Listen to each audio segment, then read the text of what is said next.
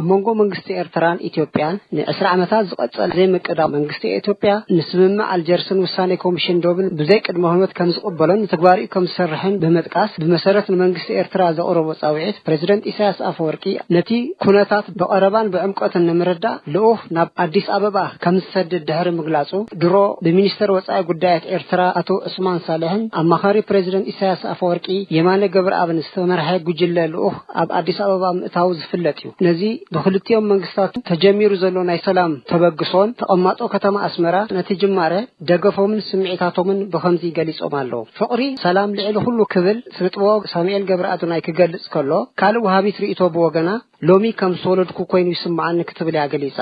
ሰላም መወዳድርቲ ይብሉን ሰላም ማለት ስራሕ ማለት እዩ ሰላም ማለት ጸጋኻ ምጥቃም ማለት እዩ ሰላም ማለት ምልማዕ ማለት እዩ ሰላም መዳርግቲ ዘይብሉ ካብ ኣምላኽ ዝወሃበና ህያብ እዩ ናይ ሰላም መሳርሒ ከኣ ፍቕሪ እያ ኩሉ ግዜ ሰላም ክትህሉ ተኾይና ፍቕሪ ክህሉ ክኽእል ኣሎ ፍቕሪ ከኣ በገባብ እንተመጽዩ ምርዳእ ተመጽዩ ዝጸግም ነገር የለን ኩሉ ግዜ ስለዚ እዚ ሰላም እዚ ከኣ ብሓቂ ኣብ መንጎ ህዝቢ ኢትዮጵያን ህዝቢ ኤርትራን ብብዙሕ መንገድታት ዝተኣሳሰሩ ህዝብታት እዮም። ክልቲኦም ብጂኦግራፊካዊ ቦታ ጥራሕ ዘይኮነ ብባህሊ፣ ብሃይማኖት፣ ብቋንቋ፣ ብዝተፈላለዩ መንገዲ ህዝቢ ኤርትራን ህዝቢ ኢትዮጵያን ብዙሕ ዘተኣሳስር ነገራት ኣለዎን።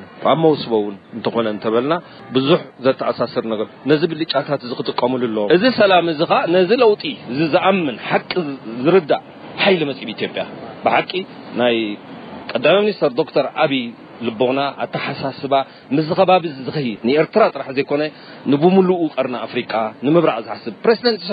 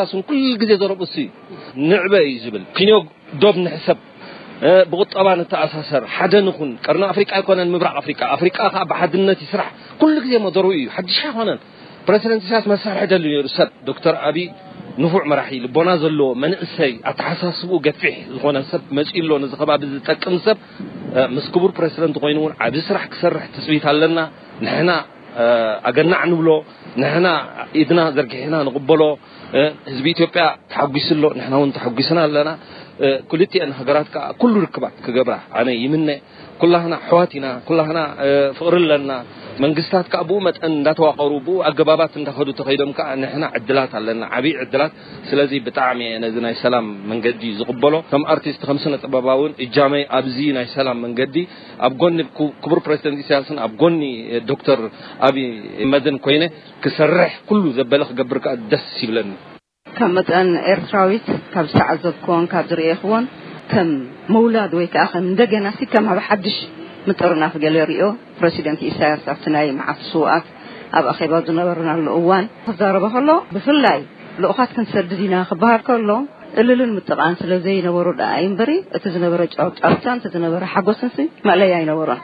ብወገነይ ከኣ እንታይ እዩ ናይ ኢትዮጵያ ከምዚ ዝኣመሰለ ጻውዒት ክገብር ከሎ መንግስትና ከዓ መርሓባ ኢሉ ክቕበሎ ከሎ ካብ ዝዓቢ ካልእ ነገር የለን እቲ ንደልዮ ንናፍቖ እንተሊና ከዓ ብውህደት ብፍቕሪ ብሕድገት ብናይ ሓደ ሕድ ተጠራኒፍካ ናይ ትጓዓዘሉ ህይወት እዩ ዓለም ሎሚ ኣብ ካልእ ደረጃታት በፂሓ ኣላ ንሕና እውን ብዘለና ዓቕምን ብዘለና ክእለትን ፍልጠትን ተኽእሎታትን እንሰጋገረሉ ባይታ ክንገብር እቲ ዝምነዮን እቲ ዝደልዮን እዩ እዚ ድማ ኣብ መንእሰያትና እሪኦ ኣብ ውሉደይ እሪኦ ናብ ደቀይ ክሪኦ ከለኹም ዝተሰምዐ ብጣዕሚ ተሓጒሰን ተሓጒሶም ኣብቲ ኣረኣእያ ናይ ህዝቢ ዘሎ እንድዩ ኣዝዩ ባህ ይብለኒ ኣዝዩ ሕጉሰኒ ልዕሊ ኩሉ ንሓንቲ ሃገር ሰላምን ቅሳነትን ክባ እንተ ደኣ ኮይኑ ሕድገት ፍቕሪ ምትእትታው ሓድነት ሒዝካ ምጉዓዝካ ካብ ዝዓቢ የለን በዚ ምክንያት እዚ ኣዝዩ ባህ ዝብለኒ መቐፀልቱ ከዓ ቀልጢፉ ከውዳእ እሞ ካብን ናብን ክንጓዓዓዝ ዘቲ ንጽበየን እቲ ሃረር ዝብሎን ዘለኹን እዩ።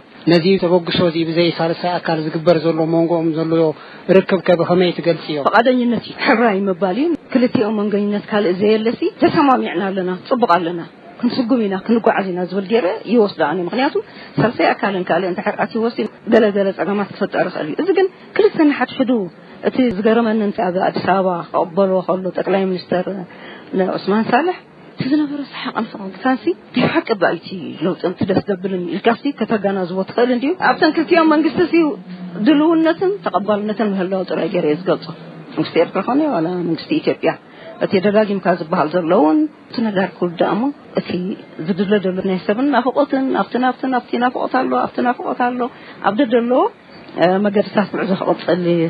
መሪር ኩነታት ዘይሓለፈ ፅቡቕ ኣይቅበልን እዩ ክብሉ ኣቶ ግሌነት ክገልፁ ከለው ኣብ ቀርኒ ኣፍሪካ ዝነበረ ናይ ውግእ ቀርኒ ናብ ብርሃን ዘመንጩ ቀርኒ ተቐይሩ እዩ ክብል ዝገልፅ ኸዓ ኣቶ ኤልያስ ሉቃስ እዩ። ግሌነት ማሕሙድ ይበሃል። ኣወል ንሕና ከም ኤርትራውያን መጠን ኩሉ ንፈልጥ ብሰላብ ንፈልጥ ኩሉ ዝሓለፍናው ከማን መዲር መዲር ዘይሓለፈ ከማን ጥዑም ኣይቅበልን ንሕና ካብ ፈለማ ሰውዒት ሰላም ኢና ኩሉ ኣሕሊፍና እዚ ሕጂ መጺኡ ዘሎ ርቡይ መለኣዩ ደንጊኡ እንብል ከማን ንተሓንጸጸ ብሕጋዊ ክሳዕ ሎሚ ሸንኮለል ዝብል ዝነበረ ክመጽእ ከሎ ሰላም ኣይንጸልእን ንምንታይ ንሕና ንፈልጦ ኩሉ ዝተማቐድናዮ መስለኒ ሕጂ መጺኡ ዘሎ ፋትሓት ኼር ይኹን ህዝቢ ኤርትራ ሎሚ ብዘይ ጃህራ ሕጉሳት ኢና ብመለኣዩ ጥራይ ካልኦት ወሃብቲ ርእይቶ ብወገኖም፣ ሰላም ሩፍታ ዝፈጥርን ክልቲኡ ህዝብታት ንዘለዎ ጸጋ ንክለዋወጥ ዕድል ዝፈጥርን እዩ፣ መመላእቱ ከኣ የርእየና ክብሉ እዮም ዝገልጹ። ኣነ መምህር ስምኦን ኣስመላሽ እበሃል። ንዓይ ሰላም ዝበሃል ነገር ክለዓል ከሎ ዝረኣየኒ ነገር ኣሎ።